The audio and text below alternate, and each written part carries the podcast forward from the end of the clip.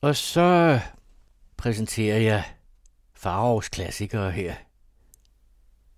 Jeg har jo et par uger læst op fra Karl Bakkers roman Min Broders Levnet, og det fortsætter jeg altså med her.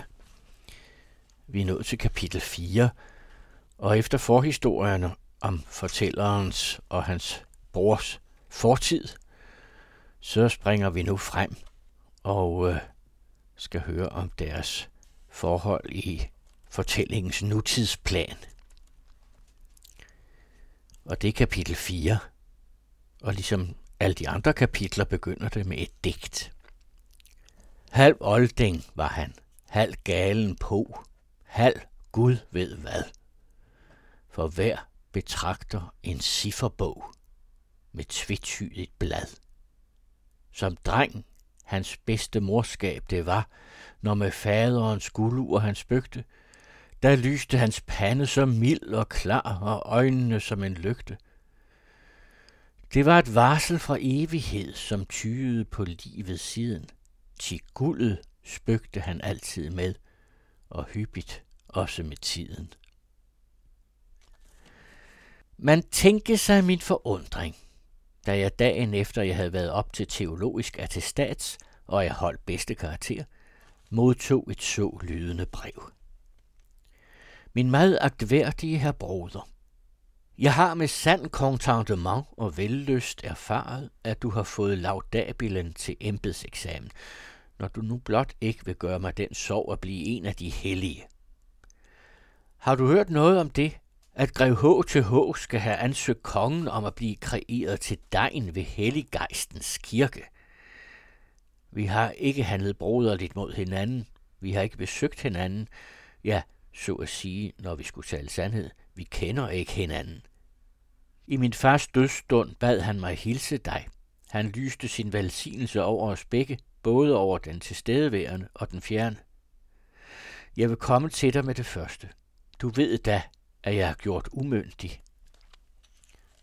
Stå ene for uden bror og mor. Det tygtes mig en gang dejligt. Så kan du vælge fra syd til nord. Det stade, som mest er belejligt. Så kan du vælge ved Øresund, kontoret og tolvtariffen, hvad hellere tumles i Shakespeares lund på Pegasus, gangergriffen. Så kan du vælge den gejstlige stand og famle, som flere har famlet, hvad heller på scenen spille din mand som Romeo eller som Hamlet, så æs du din egen autokrat kan færdes med frieste vilje, dog fik jeg aldrig friheden fat, skønt ugenert af familie. Jeg forsikrer dig, kære Johannes, at jeg siden min fars død ikke har interesseret mig for nogen levende person. Kun ham elskede jeg af mit fulde hjerte. Ham kunne jeg gøre alt for. Og vidste du, hvor godt vi to kom ud af det med hinanden. Arthur, sagde han ofte til mig, blot for din skyld gad jeg leve, til du er min eneste trøst. Siden den tid, da jeg jordede ham, har mit hjerte været en jordklump hvor ingen lægende urt, ingen blomst kunne trives. Til du ved jo nok, at jeg aldrig har brydt mig om min mor. Dog, nu kender jeg ikke til søndens lyst, og ej til de barnlige tårer. Jeg har kun smilt ved naturens bryst, lånt blodet af hendes åre. Hvad ikke jeg kender, tiger jeg om. Urokket stå hver mands troner, og barnets følelser stå for min dom som fremmede religioner. En anden årsag, hvorfor jeg ikke har søgt din omgang, men har nøjes med de få korn, som jeg har nippet i hønsegården, kan jeg angenemt udtrykke således. Du vælger dig venner til hjertero, men vel du dig for må se. Du vælger dig en, du vælger dig to, men aldrig flere end tre. Min helbred er dårlig, til mit bryst er sygt, og en hektisk rødme farver mine kinder, netop således som stormenes kulde maler efterårsbladene røde. Det tyder på min forestående til intetgørelse. Forstår du mig? Vi ville vorte venner, inden vi skilles ad. Vær hjemme i morgen aften, så kommer jeg op til dig. Din Arthur Haring. København, den... Øh, ja, jeg har ingen almanak. Du må undskylde. Nå da da, ja, det var jo en overraskelse for ham, og nu ved vi, at han hedder Johannes.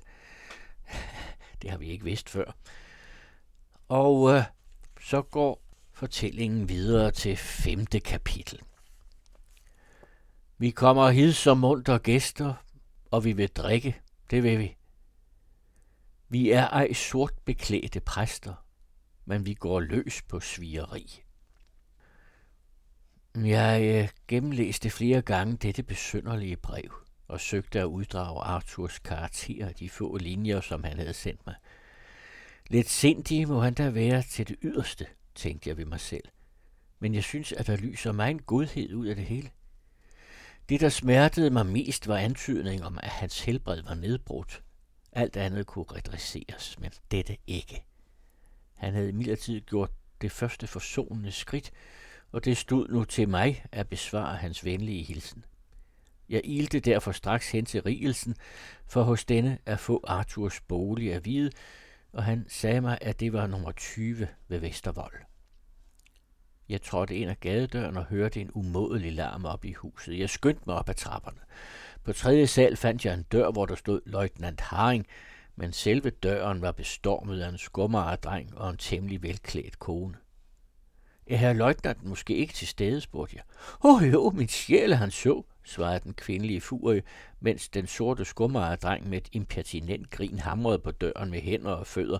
Men han vil ikke lukke os op. Hej, så, herr løjtnant, råbte skummeredrengen ind ad nøglehullet. Jeg skal hilse fra min mester. Jeg har deres regning. Et par nye støvler, syv rigsbankdaler. Et par forfødede, fire daler. Et par dansesko, formodentlig opslidt i en dansebod ud i en langsom vals med mutter vaskekones datter Sybille, tre daler tre mark.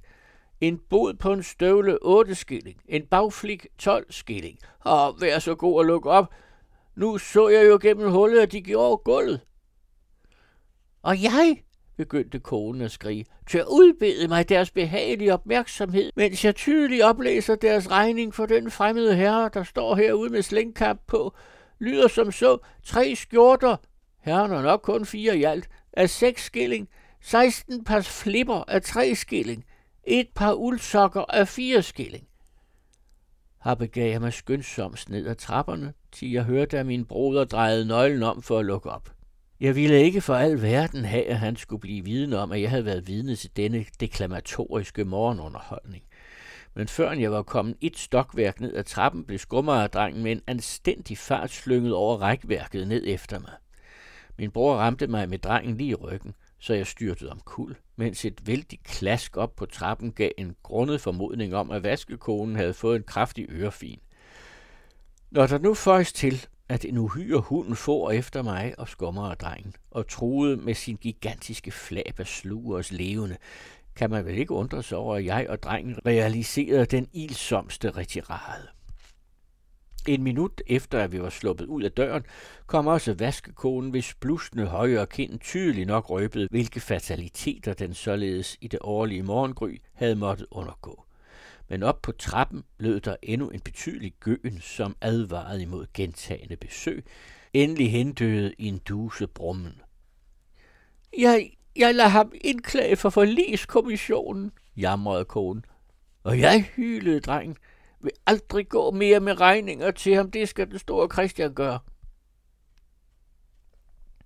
Jeg gik hjem men besluttede dog om eftermiddagen at gøre endnu et forsøg på at få Arthur i tale, før han om aftenen kom til mig. Jeg gik derfor atter til Vestervold og stod nu anden gang uden for hans dør, men forhindredes fra at gå ind ved at høre en forvirret larm i stuen. Jeg lyttede og søgte at decifrere dette underlige babyloniske sprog, og resultatet af mine undersøgelser blev da, at de forskellige forvirrede lyde var klingen med glas og raslen med flasker, trumfen i bordet og nønnen af stykke viser, højrystet latter og kast med terninger. Tungsindig vendte jeg hjem og lavede alting til til modtagelsen af den sjældne gæst. Jeg hang en frisk blomsterkrans over min mors portræt. Jeg dækkede bord og satte vin under kakkelovnen og ventede nu tålmodigt på gæstens ankomst. Men vægteren havde alt drop ni, og ingen Arthur var endnu kommet til syne. Jeg begyndte at mistvivle. da jeg pludselig hørte flere instrumenter spille op nede på gangen. Den strygende og blæsende musik kom op ad trapperne. Jeg kunne høre en afskyelig klarinet og en om muligt endnu falskere violin, mens et valdhorns forfærdelige brøl bragte de skrøbelige huses mure til at skælve. Min dør fløj op, og et helt tog trådte ind i min sal. Forrest gik Arthur med en dame under armen. Hun havde en lille sort kåbe på og en vifte i hånden, og hun støttede sig ømt og fortroligt til Arthurs arm. Arthur så echaufferet ud og nærmede sig mig med usikre skridt. Forresten opfyldtes værelset af 10-12 mennesker er temmelig brutalt udvortes, og midt i blandt dem bemærkede jeg rigelsen. Denne sidste nærmede sig mig pludselig, bukkede, men viskede mig med det samme i øret, hold gode miner, til disse mennesker er beruset. Instrumenternes støjen vedblev efter at kapellet var trådt ind i salen, og forøgedes med hin frygtelige bulbiders tuden, med hvilken jeg alt i formiddags havde gjort bekendtskab. Jeg må dog gøre dig, tog min bror ord, i det han søgte at ordne sine tanker, noget nærmere bekendt med vort selskab. Jeg håber dog, at jeg har den ære at tale med min bror, herr Johannes Haring. ja, jo, jeg kan nok se det. Denne dame er jomfru Rikke T. Jeg gyste tilbage, da han nævnte dette navn. Hun var en af byens mest berygtede kvindfolk. Og hende, råbte jeg, går du med under armen? Ja, hvorfor ikke det? svarede Arthur. Jeg ved ikke, at hun har noget udslet, der kunne smitte mig. Forresten danser hun fortræffeligt. Ja, nu skal du straks se. Ah, lille Rikke, dans den bekendte sarabande for min bror, og I musikanter spiller op. Jeg vil selv traktere violinen. Og nu begyndte der at der den infernale musik, mens min bror på en gang spillede primoviolinen og dansede med damen. Donnaens gebærter var naturligvis særdeles uanstændige, og min bror gav just ikke sønderlig efter i det kapitel, så jeg ved at se på hende uvilkårligt kom til at tænke på Ariosto i hans sjette sang. Super la solia, e fur per le colonne, coron scherzando la scive donzelle, che se rispetti debiti alla donne, servasser più, sarian forse più belle. Ja, hvis jeg slår om i noterne her, så kan jeg se, at det betyder over dørtærsklen og efter døden mellem søjlerne løber skæmtende lidt færdige pigebørn, som hvis de kunne gøre fordring på den respekt, som skyldes enhver kvinde, måske ville være skønne. Men mageløs aplomb drejede hun sig på tåspidsen og uddelte små ørefine og andre ømme kærtegn til orkestre og tilskuerne. Pludselig tav musikken. Hun havde danset sig træt og lagde nu gitaren hen. Min bror blev stående målløs og ubevægelig midt på gulvet. Han lagde sin højre hånd på min arm og pegede med den venstre hen på væggen. Jamen for himlens skyld, Johannes, råbte han. Hvem er den dame med kransen over hovedet? Hvor mor, Arthur, sukkede jeg. Der blev han kridhvid i ansigtet, og to tunge tårer rent ned over hans kinder. Han hævede lysestagen op i vejret for nærmere at betragte det skønne hoved, og flere og flere tårer væltede ud af hans øjne. Åh, oh, mor, jamrede han, skulle vi således genses? Da jeg sidste gang som ni års dreng så dig, var jeg uartig imod dig. Og nu, da jeg står voksen foran dig, så er jeg i den tilstand. Jeg kan ikke trylle om din tilgivelse, til du hører mig ikke. Jeg kan ikke kysse din hånd, til den er vissen og kold, Åh, Johans, hun må være meget vred på mig. Jeg har ikke tænkt på hende siden den dag, at hun og du rejste fra Højrup. Nå, husk, trøstede jeg ham, at lidenskab og vrede ikke medtages i graven. Trækkene er blide, og åsynet er roligt på den døde. Kun kærlighed lever i urnen, men hadet bliver ovenmulde hos os stakkels efterlevende. Ah, lad det maleri afkopiere, bad Arthur. Så skal jeg betale dig i begyndelsen af næste måned. Hør, er det ikke pudsigt, hvorledes man kan gå over fra fuldskab til den ædru tilstand? Nu er jeg mig selv mægtig. Før vidste jeg ikke, hvad jeg gjorde. Nå, ja, mennesket er et flersidigt talent. Jeg kan både være ædru og drukken. Ja, min kompliment til dem, min smukke moder, de, vi skulle altså ses på mit eget værelse. Og hermed vendte han sig med et lidt sindigt buk fra portrættet og betragtede med synligt velbehag sine ledsager. Disse værdige personer havde imidlertid grupperet sig omkring det bord, hvorpå den Arthur og mig tiltænkte aftensmad stod. Og her var de der ivrigen beskæftiget med at anrette de største ødelæggelser i madvarerne. I særdeleshed steg min forbitrelse højt, da jeg så Donna Rikke dele en kapun med Arthurs store hund. I midlertid fattede jeg mig og gik hen og skænkede de par flasker vin om, der stod under kakkelovnen. Signora Rikke proponerede verdens skål, og Arthur forsikrede, at det ville være meget uhøfligt af mig, om jeg ikke ville klinke med hende og det øvrige selskab. Nu dannede min bror en basun af et landkort, der var klinet på pap. En af ledsagerne greb violinen, en anden klarinetten, mens min bror og hans hund kappede som at frembringe de mest uharmoniske toner, og således blev da min skål drukken under en klingende fanfare. Men da nu maden var sluppen op, og vinen var drukken, længte selskabet nok efter en større tumleplads for deres virken. De begyndte at skrabe med benene og give deres mishag til kende over, at Arthur ikke gav signal til opbrud. Der greb han mig om armen og førte mig hen til vinduet. Johans, sagde han, døm mig ikke for hårdt. Men husk, at ligesom der ikke findes to enstandede blade på et træ, således gives der heller ikke tvinde enstandede sjæle på den hele globus. Du har ikke de samme lyster eller lidenskaber som jeg, men din trang og din hus står til noget ganske andet. Men nu gives der nogle indfoldige mennesker, som ikke kunne begribe, at andre kunne tænke, ønske og handle anderledes end de selv. Fordi de selv ikke kunne lide engelsk porter, ville de have, at alle bryggerierne ved Thamesen skulle gå ind, og hele verden skulle drikke tevand. Jeg hylder munterheden, men du er alvorlig. Nu vel, Lad ingen af os gå den anden i vejen. Ørnen kan ikke svømme, rensdyret kan ikke flyve, fisken kan ikke synge, og jeg kan ikke græde. Og nu, min alvorlige bror, nu må du lyse os ned ad trapperne, til jeg havde nær forvredet mit ben, da jeg gik op. Lad os for Guds skyld, råbte jeg, ikke ved fejltrin afskrække dig fra at besøge mig og vedblev jeg alene. Tro endelig ikke, at dit besøg ville være mig mindre kærkommen, mindre interessant, om du for fremtiden kom ene og uden harmonimusik.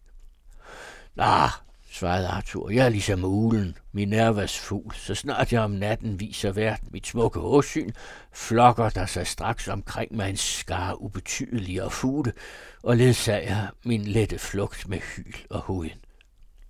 Hermed trykkede han min hånd og jeg gik foran toget med lyset i hånden ned ad trapperne. Men ak, hvad jeg havde anet og befrygtet, skete. Langs ned ad trapperne udførtes atter en stor symfoni, hvor Donna Rikkes guitar iværksatte en skingrende vedestrid med min brors hobo. Husfolkene tittede nysgerrige ud af køkkendøren, men jeg tryllede forgæves som tavshed.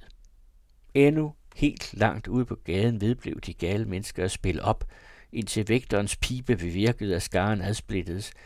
Man hørte forvirret råb, en lyd som om en violin blev slået mod stenbroen. Man hørte latter og en høj kvindelig stemme, der protesterede imod en forestående bortførelse til hul. Og endelig, for at gøre min ærgelse fuldstændig, stod min vært på trappen, ventende på mig, for i anledning af spektaklerne på gangen at sige mig op. ja, det var da et møde mellem brødre. Det må man vel sige. Og her vil jeg slutte for denne uge, og love jer, at øh, dramaet fortsætter. Det kan man vist roligt sige. Og øh, de to brødre er ikke færdige med hinanden. Den anden radio.